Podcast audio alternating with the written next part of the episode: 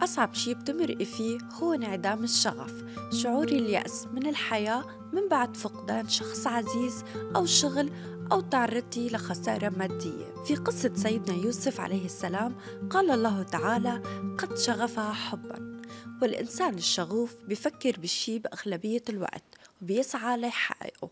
بيقول الكاتب الأمريكي مارك توين اتبع شغفك ولن تعمل يوما في حياتك وبدون شك لما تتبعي شغفك لازم ما تحوليه لفوضى.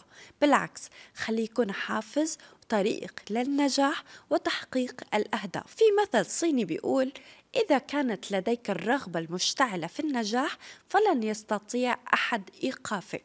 لا شك أن الشغف ينبع من الداخل الإنسان ويمكن أن يزيد أو ينقص على حسب قناعة الشخص أولا وتأثره بالبيئة المحيطة ثانيا.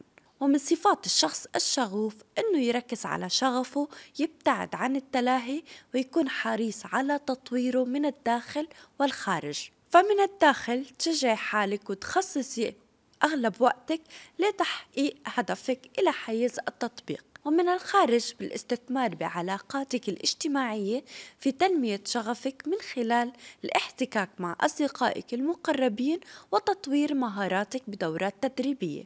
وتمارسي حياتك الروتينية بتخصيص وقت إلك لممارسة الرياضة المشي مثلا لو عشرين دقيقة. تتبعي غذاء صحي وقراءة كتابك المفضل كفيلة إنه تساعدك لتستعيدي شغفك بالحياة. في كتير من العباقرة والمخترعين نجاحهم كان على قاعدة الشغف لتحقيق أكبر نجاحات قال ستيف جوبز مخاطبا خريجي جامعة ستانفورد أنا مقتنع أن الشيء الذي حفزني للاستمرار في عملي هو حبي له. عليكم بأن تجدوا العمل الذي تحبون عندما تحبون عملكم ستبدعون فيه لأن الشغف أول مفاتيح النجاح.